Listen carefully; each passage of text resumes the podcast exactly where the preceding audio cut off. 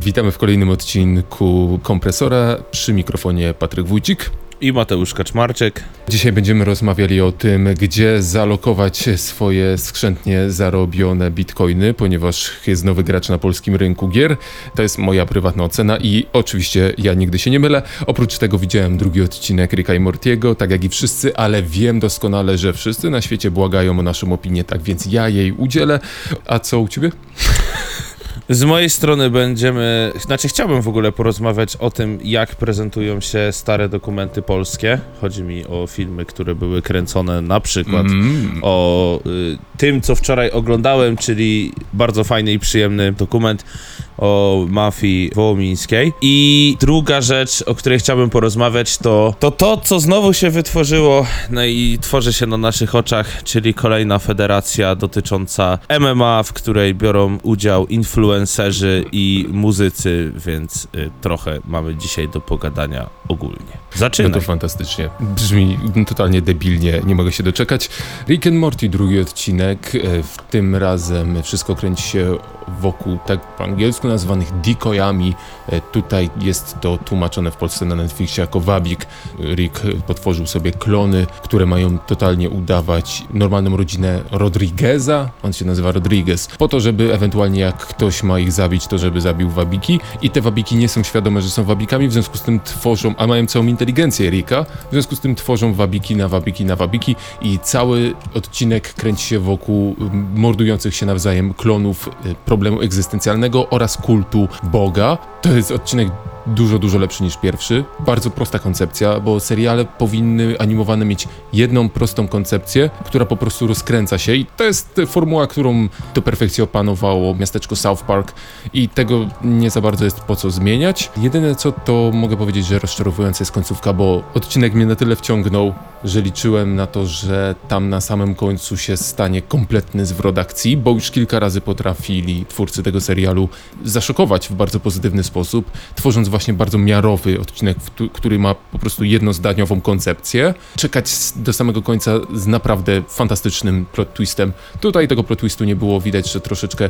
To jest y, choroba e, Stephena Kinga. Stephen King pisze tysiącstronicowe książki, które mają zajebisty pomysł i jesteś wciągnięty do samego końca. On, ona jest taka intrygująca, że nie możesz się doczekać, e, czym to się skończy, a na samym końcu okazuje się, że sam Stephen King nie miał pojęcia, e, o co mu chodzi pisząc tę koncepcję i rozczarowujące zakończenie jest jego motywem przewodnim. W niektórym to nie przeszkadza, niektórzy zwracają na to uwagę. Tutaj się to także powtórzyło. E, to czy ja wiem, 6 na 10, 7 na 10. W skali Ricka i Mortiego 4 na 10. Skala Ricka i Mortiego. A chciałbym cię spytać, bo gadamy już drugi odcinek o Ricku i Mortim. Jak ogólnie podchodzisz do uniwersum Ricka i Mortiego i jak myślisz, że ludzie kupują poniekąd dosyć ciężkie uniwersum w dalszym rozwoju? Bo w Ricku i Mortim dzieje się bardzo dużo. Ja nie miałem okazji oglądać Ricka Mortiego, miałem okazję natomiast oglądać inne kreskówki, Paradise PD czy Mhm. Brickenberry i powiem szczerze, że w tych całych kreskówkach obstawiam, że w Ricku i Mortim jest dosyć podobnie. W pewnym momencie jest taka przesada tego, co się tam dzieje, że ja mam takie to już za dużo i nie wiem, czy chcę oglądać dalej. Czy Rick i Morty przez całą swoją produkcję nie męczy widza, nie męczy oka? To jest bardzo ciekawe, co zauważyłeś i uważam, że jest to totalny problem wielu seriali animowanych. E, Flagowym przykładem przerostu formy nad treścią jest, są Simpsonowie, którzy zostali stworzeni we wczesnych latach, e, w późnych latach 80., wczesnych 90., zyskali swoją popularność i wciąż są ciągnięci, a już wszyscy mówią dość. Rick i Morty rzeczywiście porusza się z dziesięciokrotnie większym tempem niż, niż Simpsonowie, a nawet stukrotnie większym tempem niż Simpsonowie i rzeczywiście widać, że ten serial, jeśli nie wymyśli jakiegoś no, czegoś nowego, to może się wyjebać na mordę, ale w tym samym czasie chroni ich to, że bardzo długo robią każdy z sezonów. W związku z tym e, oczekiwanie jest na tyle długie, e, że jak oglądasz nowy odcinek Ricka i nowy sezon Ricka i Mortiego, to trochę nie masz wrażenia przesytu, ale to jest ta dynamika jest sztucznie, sztucznie stworzona przez nich, że tak długo tworzą. Powinni zwrócić na to uwagę, bo to się ma, ma prawo wyjebać na mordę. W pewnym momencie ludzie przestaną mieć cierpliwość do oczekiwania 3-2 lata na kolejny sezon, a jak przyspieszy przyspieszą, to zacznie być to bardzo widoczne, że ten serial po prostu pędzi na złamanie karku i nie ma hamulców. Zabawne. Zabawne jest to, jak wiele można spieprzyć robiąc zwykły serial, który... Właśnie, bo to też o tym gadaliśmy. Serial, który teoretycznie jest kreskówką. Dogadaliśmy się o tym, że filmy animowane, seriale animowane są źle postrzegane, że docelowo to nie jest dla dzieci. Czy wydaje ci się, że w Polsce jest taka mentalność, że nadal starsi widzowie postrzegają kreskówki jako eh, ty oglądasz bajki. Nie uważam tak. Wiesz dlaczego?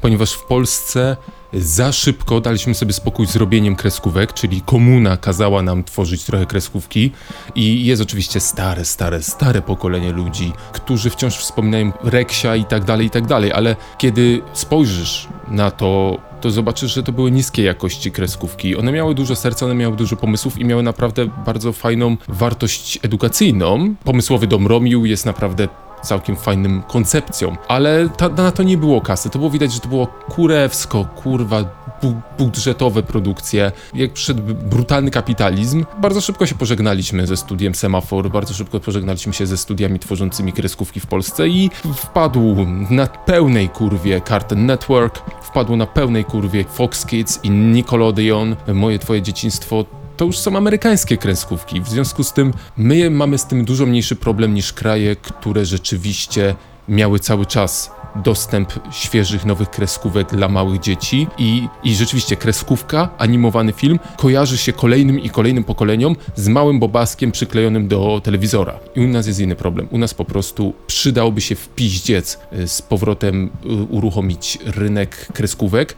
ponieważ z grami nam wychodzi. Więc jak, już mówiliśmy w poprzednim odc- odcinku, kreskówki mają jedną, jedną zaletę. Jak chcesz stworzyć coś wielkiego, to kosztuje to tyle samo, co coś małego. W związku z tym można robić kurwa. Twoja wyobraźnia jest jedynie twoją granicą. I można naprawdę wyjechać z dojebanym serialem i nie bać się o to, że w pewnym momencie telewizja polska powie, ale my mamy podpisaną umowę na tyle i tyle i chuj. Warto ryzykować. E, Nie no, tam- to jest fakt, to jest fakt. Z drugiej strony zrobiliśmy, no naprawdę dużego giganta. Nie wiem, czy ktoś się spodziewał po Wiedźminie, że aż tak zamiecie rynek. Wręcz, Mhm. W ogóle mamy masę dobrych animatorów w Polsce, tak mi się wydaje. Gości, którzy robią animacje. Dużo mamy fajnych rysowników komiksów, którzy mają dużo pomysłów i przede wszystkim mają naprawdę świeże pomysły. Pomysły, które absolutnie swoim rozmachem, pomysłem i humorem nie są na w tyle amerykańskiej zagranicznej konkurencji. I powinniśmy im dać po prostu e, naostrzyć ich szabelki ogromną ilością pieniędzy i jestem święcie przekonany, że dałoby się namówić Netflix na danie kasy, żeby na przykład polscy twórcy, nie wiem, podpisali umowę z jakąś, chuj wie, szwedzką firmą e, animującą i zrobić coś wspólnie, polsko-szwedzką produkcję, bo czemu kurwa nie? Po czemu? Kurwa nie. Przechodząc z kreskówek i w ogóle filmów animowanych, seriali animowanych i tak dalej, chciałbym przejść do filmu, który się nazywa Dziad Domniemany. Film o panu Henryku N., chociaż nie wiem, czy już mogę mówić. Jeżeli ktoś nie żyje, to mogę mówić jego nazwisko, nawet jeżeli był tam przestępcą. Chyba mogę, tak? Można, można. o panu Henryku Niewiadomskim, czyli takim panu, który był gangsterem, który był przywódcą gangu zombowskiego. Jak można gdzieś przeczytać, to był też po bardzo źle mylony z szefem gangu wołomińskiego. No i ogólnie o czym jest film, bo film jest dokumentalny. Powstał w 2001 roku, ma 43 minuty i jest taką rozmową z panem Henrykiem Niewiadomskim, który jeszcze wtedy e, siedział w więzieniu w Radomiu i w tym więzieniu udzielił wywiadu. Wywiad jest przemieszany kadrami z tego, co mafia zrobiła w latach 90. w Polsce. Ta rozmowa pokazuje trochę właśnie dziada, postać tego y, pana Henryka, jako gościa, który wyobrażasz sobie polskiego gangstera lat 90., to właśnie tak wygląda. Jest świetnie pokazane to, jak gość sprytnie i bardzo psychologicznie dobrze podchodzi do rozmówcy. Wie co powiedzieć, wie jak powiedzieć dużo nie mówiąc nic, albo wie jak nie powiedzieć nic mówiąc dużo. O, to jest może lepsze. Mhm. Wie jak nie powiedzieć nic mówiąc dużo. Wie jak charyzmatyczny sprytnie, człowiek po prostu. Tak, wie jak sprytnie się poruszać między tematami i jednocześnie zaznaczyć ci gdzieś z tyłu głowy, że tak, to ja byłem tym kolesiem, który rozdawał karty, ale jednocześnie oficjalnie nie powiedzieć, że tak, to ja byłem tym kolesiem, który rozdawał karty. Do jakiegoś czasu, ja wiedziałem, co się działo tam w latach 90. W sensie oglądałem te filmy, starałem się czytać artykuły. Akurat przestępczość w kinematografii to jest mega ciekawy temat i nie znam osoby, która by powiedziała, że eh, Wiesz co, w sumie to nie interesuje mnie ten gangsterski film. Kurwa, chyba każdego interesuje każdy gangsterski, dobrze nagrany film. Bo takie... No, chyba ta- tak. No, chłopcy z ferajny, to są, wiesz, to są, to są po prostu pierdolone alfabety kinematografii. I nie można o tym nic powiedzieć. To są tak ciekawe tematy, że po prostu y, scenariusz się w zasadzie napisał już sam przez to, co oni zrobili. E, powiedz mi, jest dużo kanałów, które naprawdę profesjonalnie, ale z takim troszeczkę wołoszańskim sznytem opowiadają historię polskiej mafii. Czasami są to bardzo dobrze przygotowane kanały na YouTubie. Jak się taki stary dokument z 2001 roku ma? Wiesz, czy, czy rzeczywiście taki współczesny zjadacz YouTube'a ma coś tam do znalezienia? Ma jaką, może jakąś nową wartość, świeże spojrzenie? Co, co tam jest? Rzeczywisty fan polskiej mafii, znaczy w ogóle tematyki polskiej mafii, nie? Bo nie wiem, czy ktoś jest fanem polskiej mafii, ale rzeczywisty fan y, tematu przestępczości z lat 90. kupi te filmy. Kupi te filmy z jednego prostego powodu. Są to materiały, w których pokazywane, no na przykład ten mówiąc o, dzianie, o dziadzie domniemanym, o tym właśnie, o tej produkcji y, w reżyserii pana Tomasza Lengrena, Lengrena, no stary, to jest jedyna chyba możliwość porozmawiania z osobą, która już w tym momencie nie żyje i zobaczenia tego wywiadu z gościem, który nie mówi ci, że to się stało, bo zrobili to ci goście, tylko po prostu mówi ci ten gość, który to wszystko robił. Wiesz o co chodzi? Z samego tego Wejścia- faktu... Wejścia w psychologię takiej osoby. Tak, tak. Z samego tego faktu jest to po prostu gratka dla ludzi, którzy interesują się przestępczością lat 90. w Polsce. Myślę też, że ten film pokazuje, że nie potrzebujemy jakichś narkosów, nie potrzebujemy jakichś y, chłopców z ferajny, bo u nas już się kotłowało w Polsce w latach 90. Te akcje wszystkie tłumaczone gdzieś tam nie tylko w dziadzie domniemanym, ale również właśnie na kanałach na polskim YouTubie pokazują, że tu było ciepło, wybuchy samochodów czy strzelaniny. Nie powiem, że to był porządek dzienny, ale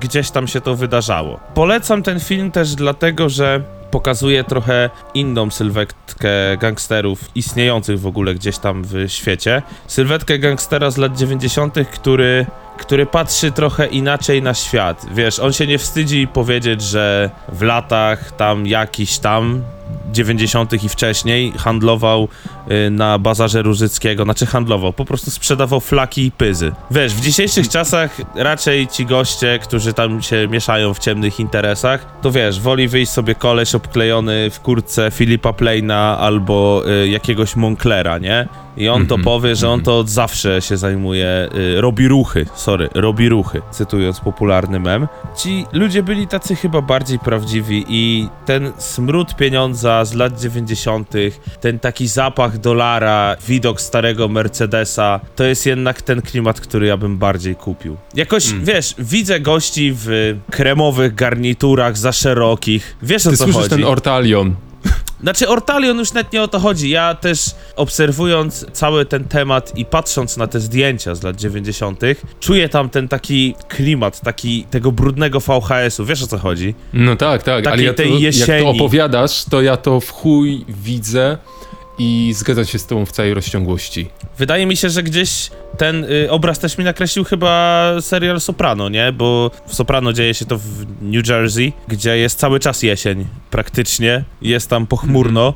Można to trochę Mm. zrównać z Polską, ale patrząc na takich gangsterów gdzieś tam, którzy są prezentowani w, y, właśnie w serialu Soprano, a patrząc na zdjęcia polskich ikon przestępczości lat 90., na przykład pana Pershinga, no to w zasadzie masz to samo, nie? Pershing wyglądał jak gangster wyciągnięty prosto z ulic New Jersey. No to w takim razie polecamy ich, ale to chyba nie musimy polecać, bo wiadomo, że polska mafia jest tematem, tak jak wszystkie inne mafie we wszystkich innych krajach, po prostu fascynującym. Jeśli ktoś jest zainteresowany zainwestowaniem pieniędzy, już nie wie żywcem w co, ponieważ CD Projekt jest jak pierdolona sinusoida e, na rynkach polskich zagranicznych, a wiem, że temat inwestowania Robi się cały czas coraz bardziej popularny. Oczywiście Polska, czym stoi grami komputerowymi, więc CD Projekt był na językach wszystkich z odrobiną ekstra kasy, a ja tutaj wskazuję na nowego gracza, Bloomberg Team, młoda, relatywnie młoda firma komputerowa z Polski, która stworzyła w 2019 Blair Witch, grę bardzo dobrze przyjętą, choć w Polsce w ogóle jakoś nie za bardzo znaną. Teraz stworzyli naprawdę głośne, głośne medium, horror kolejny, dziejący się w Krakowie, ale w całości po angielsku i nawiązujący stylistyką do obrazów Beksińskiego. To przyciągnęło na tyle dużo uwagi, że jak się okazało kilka dni temu, firma Bloomberg będzie oficjalnie tworzyć najnowszego Silent Hilla franczyzę, która jest uznawana za szczyt kultów wśród y, gier horrorowych i wśród y, po prostu mm, rozrywki komputerowej. Uznawane jest za jedno z niewielu prawdziwie bezkompromisowych dzieł rozrywki elektronicznej. I chyba Japończycy chcą po raz kolejny wskrzesić Silent Hill. I padło na polską firmę. I szczerze mówiąc jestem bardzo zaciekawiony. Mam obsesję na temat Silent Hill, uwielbiam. Wciąż uważam, że to prawdopodobnie najwybitniejsza gra w historii lu- ludzkości. A jak będzie Choć- polskie, to będzie się nazywało Cicha Góra? Wiesz co? Jebać, liczę na to, że tak. Ale patrz, z drugiej strony to byłby E, Ciche wzgórza bardziej, zabieg. bo to by... Ciche wzgórza. Ciche wzgórza, to brzmi już dużo, dużo lepiej, ale szczerze mówiąc, ja widziałem Medium i pogrywałem trochę w Medium i Medium to jest, oni z Medium udało im się odkopać czar pierwszych odsłon y, Silent Hill i dlatego zostali wybrani, bo rzeczywiście czujesz to Silent Hill, więc jak oni tego nie spierdolą i nie będą próbowali kombinować, tylko zobaczą, okej, ty i ty i ty, Zbigniew, Janusz i y, Franek, którzy odpowiadali za to, żeby toście miało klimat Silent Hill, chodźcie tutaj i zróbcie to samo tutaj, to już jesteśmy w domu. Boję się gier horrorowych. A Silent Hill na przykład y, poleciłbyś... Y, a mówię o tych takich, nie wiem, można powiedzieć pierwszych Silent Hillach? Tak, tak, bo to jest trylogia. Pierwsza trylogia to jest tak, można powiedzieć, że zamyka temat. No i jak y, się odwołasz do tej gry fabularnie na przykład? To jest, uff, to jest fenomenalna. To jest, powiem tak, o, jak ktoś się boi grać w gry horrorowe, to niech włączy jeden z kotyliarda let's playów, ale bez komentarza. Wystarczy wpisać na YouTubie no commentary, żeby ktoś ci tę grę za ciebie przeszedł i ty żebyś to obejrzał jak film. Szczególnie druga część. Bo to jest tak gęsty klimat. Chłopaki z Japonii jakimś cudem ugryźli temat horroru psychologicznego z takiego punktu widzenia, że to się stało dosłownie nową jakością i wiele firm próbowało i się nikomu nie udało tego powtórzyć. Pierwsze trzy części polecam obejrzeć jako film. Przysięgam, po obejrzeniu na pewno dwu, drugiej części zachcesz sam projekt produkować gry horrorowe. Po prostu pomyślisz, wow, to jest po prostu, chcę wsiąknąć w to, chcę być częścią tej ekipy, chcę móc uczestniczyć w tworzeniu tak, kurna, ciekawej fabuły. To jest trochę jak cały czas mówisz, że Soprano. To to jest dokładnie to, to wybudzi w tobie dokładnie takie same wrażenia, że wow, ja chcę to chłonąć jeszcze bardziej i bardziej. To jeżeli miałbyś ułożyć taką szafeczkę z przeszkloną szybką, gdzie mógłbyś wstawić kilka zdjęć takich ikonicznych gier horrorowych, to Silent Hill by się tam znalazł, to już wiem. A co jeszcze by się tam znalazło? Mhm. Według mnie. A, poczekaj, poczekaj, daj mi sekundkę, niech się namyślę. Na pewno Silent Hill 2. Outlast? Outlast, wiesz co? Outlast ma ten problem, że jest zbyt sensacyjny i on jest straszny, on jest potwornie straszny, on jest, ale on jest za, według mnie mniej grą, a bardziej strasznym rollercoasterem, bo on tak napierdala cię tymi straszakami, ale amnesja, według mnie, The Dark Descent. Mhm. Mm, Rezydent zła? Rezydent zła, zwany również jako zagrożenie biologiczne, druga część. Druga część pogrywałem, grałem i uwielbiam. E, W ogóle mówimy o Resident Evil, jakby ktoś Tak, tak, nie jakby ktoś wiedział. nie wiedział. Ale też, czekaj, Wiesz co mi się wydaje w ogóle, że jakby gry horrorowe, y, okej, fajnie, powstają z dużych studiów i tak dalej, i są super, i mają dobry marketing, i każdy o nich gada, ale jeżeli chodzi o temat horrorów, to gdzieś mam takie coś w głowie, że podziemne gry horrorowe mogą mieć jeszcze większy sukces, bo łatwiej małym twórcom dołożyć do tego jakąś historię, że siedział tu jakiś koleś w piwnicy o nieznanym kurwa ksywce do internetu, puścił wersję horrorowej do dark webu, nikt tak naprawdę nie wie kim on jest i tak dalej. Była taka gra, nazywa się Set Satan Mhm, mhm, i właśnie tak, o to tak, mi chodzi, kojarzę, wiem, że marketing tej gry polegał na tym, że nikt nie wie o co chodzi, chyba to sam szatan napisał tą grę.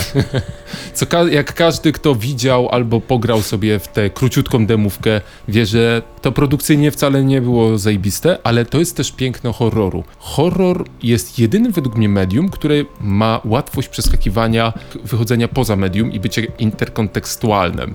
To znaczy, łatwo jest stworzyć horror, który jest straszny przez sugestię, którą zasiałeś w marketingu. Też y, fantastycznie to pokazało to, jak ogląda się czasami stare horrory na kasetach albo w, w niskiej jakości. Wielu ekspertów mówi, że wysoka jakość HD zabiła strach w horrorach, bo za dużo widać. Wszystko jest za jasne, za czyste, za precyzyjne.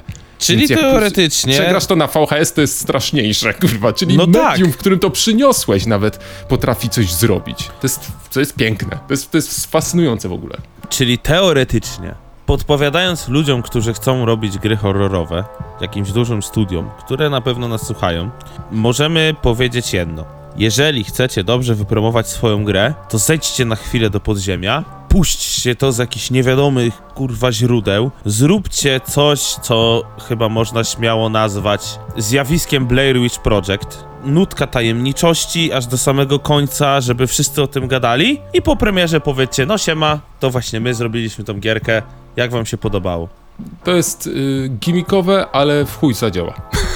Tak mi się E, wydaje. dobra, e, okej. W takim razie y, kończąc i przypominając, jak macie do y, spłonięcia 110 tysięcy złotych, to polecam naprawdę filmę y, Blueber Team, bo czuję, że ona będzie tylko rosnąć. Ewentualnie jak macie te 110 tysięcy, też możecie dać, tu się nikt nie obrazi. Tak. Nie ma najmniejszego problemu z tym. Co tam w świecie bijatyk e, celebryckich? W świecie bijatyk celebryckich powstała już jakiś czas temu, bo w zasadzie pierwszy film promocyjny był 12 marca, ale dopiero od czterech dni są ukazywane już kolejne karty wojowników High League. High League, czyli federacji, która w zasadzie została stworzona tak trochę opozycyjnie do wszystkich. Federacji, którą stworzył mega barwny gracz polskiej rap sceny, czytaj Malik Montana. Federacji, która swoimi pierwszymi trzema kartami zrobiła, znaczy pierwszymi czterema kartami w sumie, zrobiła takie, hmm, z jednej strony spoko, z drugiej strony, z drugiej strony czy nie jest tego za duży przesyt, mianowicie federacji, która po Fame MMA trochę zgarnęła swoich, znaczy po Fame MMA wzięła sobie dwóch, dwie ważne postacie, Mowa tu o Arkadiuszu panu Pawłowskim, o ile niczego nie pomyliłem, i o pani kiedyś Sexmasterce, dzisiaj Lil Masti.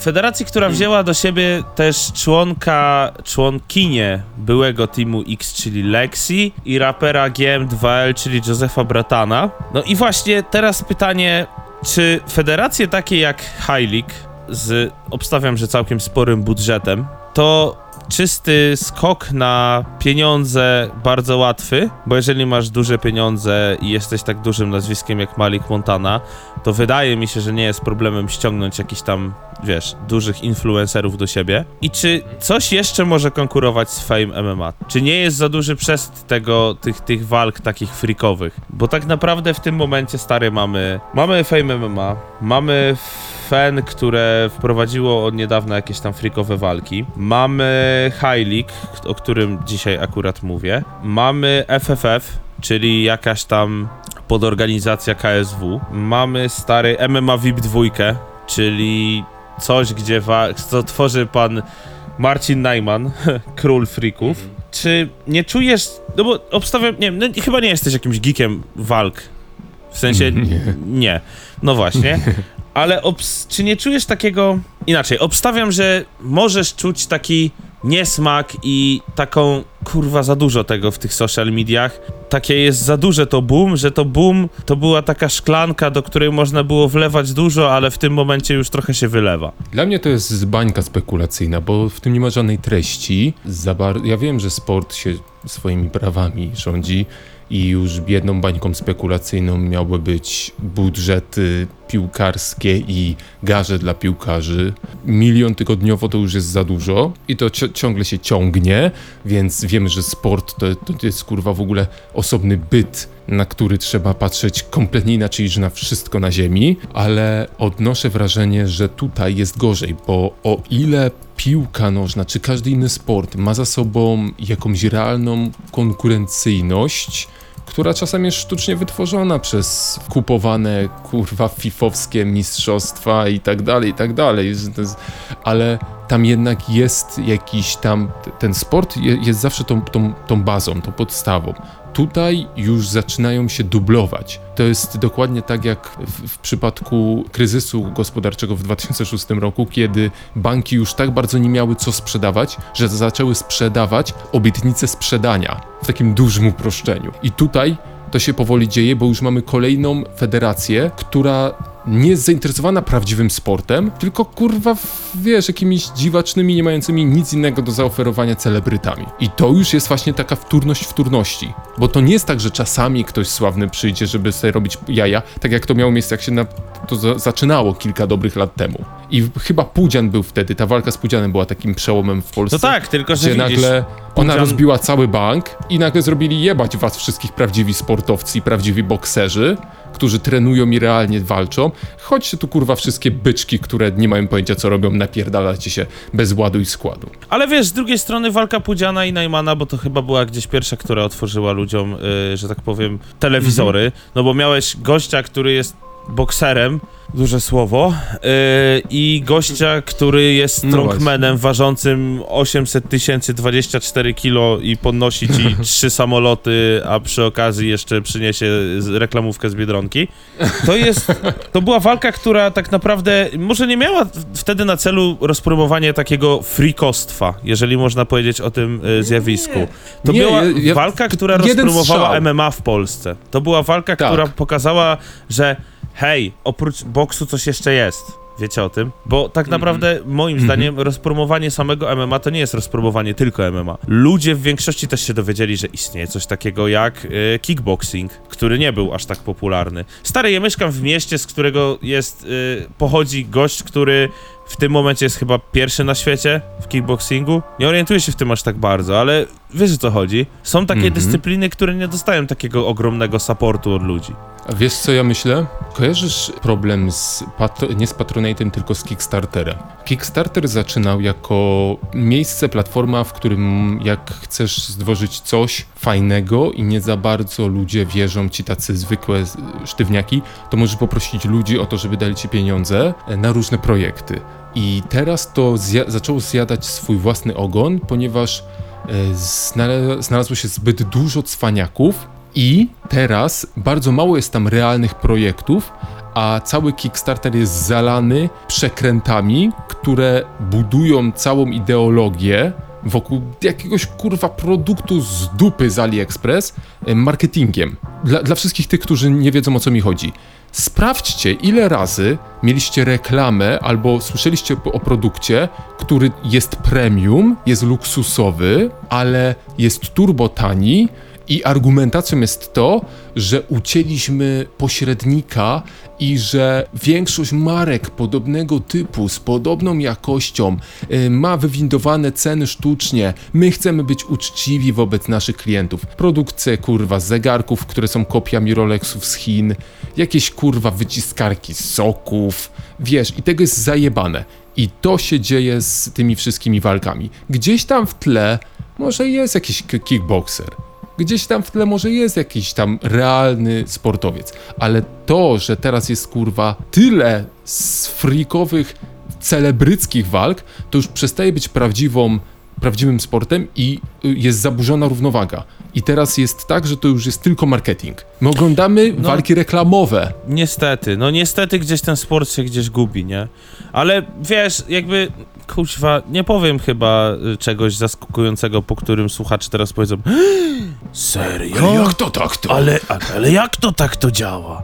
Że zawsze wszystko się kręci wokół pieniądza w sporcie, bo no stary, walka Floya, Floyda Mayweathera z Loganem Paulem, nie? Mhm. Wiesz o co mi chodzi? To są Mhm, po prostu gigantyczne ilości hajsu. Nawet porównując dwóch sportowców, takiego Conora McGregora z y, Floydem Mayweatherem, gdzieś tam też można powiedzieć, że to było takie niby sportowe, ale takie trochę dawaj hajs. No tak, czyli my możemy sobie pierdolić o czystości sportu, ale i tak nawet te najbardziej, najczystsze reprezentacje kolarstwa i lekkoatletyki robią mordo, pojebało cię, myślisz, że po chuj to jest wszystko robione. Tylko tamci są sprytniejsi, bo już nawet nie, oni są tak nieuczciwi, że nawet im bardziej wierzę. bo oni już, może to jest tak, że federacje sportów typu MMA są jedynymi uczciwymi w świecie sportu. Bo wszyscy inni jeszcze próbują łudzić ludzi tym, że za tym stoi jakaś, jakaś wy, wyższa wartość, a ci po prostu mówią, nie, nie, nie, nie, nie. To nie ma żadnej wartości, nie tylko u nas, ale nigdzie indziej, ale my przynajmniej mówimy to otwarcie. Czy będziesz w stanie i będziesz, będziesz w stanie, nie będę kurwa daje bad. Czy będziesz y, chciał oglądać y, High League? Pojebało cię jebać to. A Fame MMA, któreś obejrzałeś? E, powiem ci, że kilka walk tam zobaczyłem, ale bardzo szybko po prostu. e, W momencie, w którym zobaczyłem reklamy na plecach kickboxerów, coś czego nie widziałem wcześniej w boksie tradycyjnym, zrozumiałem, że mam do czynienia z bardzo długą i bardzo sprytnie skonstruowaną reklamą, a raczej kampanią reklamową. Podsumowując, możecie sprawdzać, sprawdzajcie co chcecie, w sensie z tych freakowych fightów, ale wiedzcie, że za tym stoi ogromny pieniądz i sportu to tam raczej nie znajdziecie. Jest go coraz więcej, ale jeszcze nie aż na tyle. Jeżeli chcecie zobaczyć prawdziwe walki, jakieś tam porządne MMA, no to odsyłamy do jakiejś UFC, do jakiejś KSW i tam macie czysto sport. E, to był kolejny odcinek kompresora. Przed mikrofonem byli Patryk Wójcik. I Mateusz Kaczmarczyk. Dzięki, hej. Na razie, hej.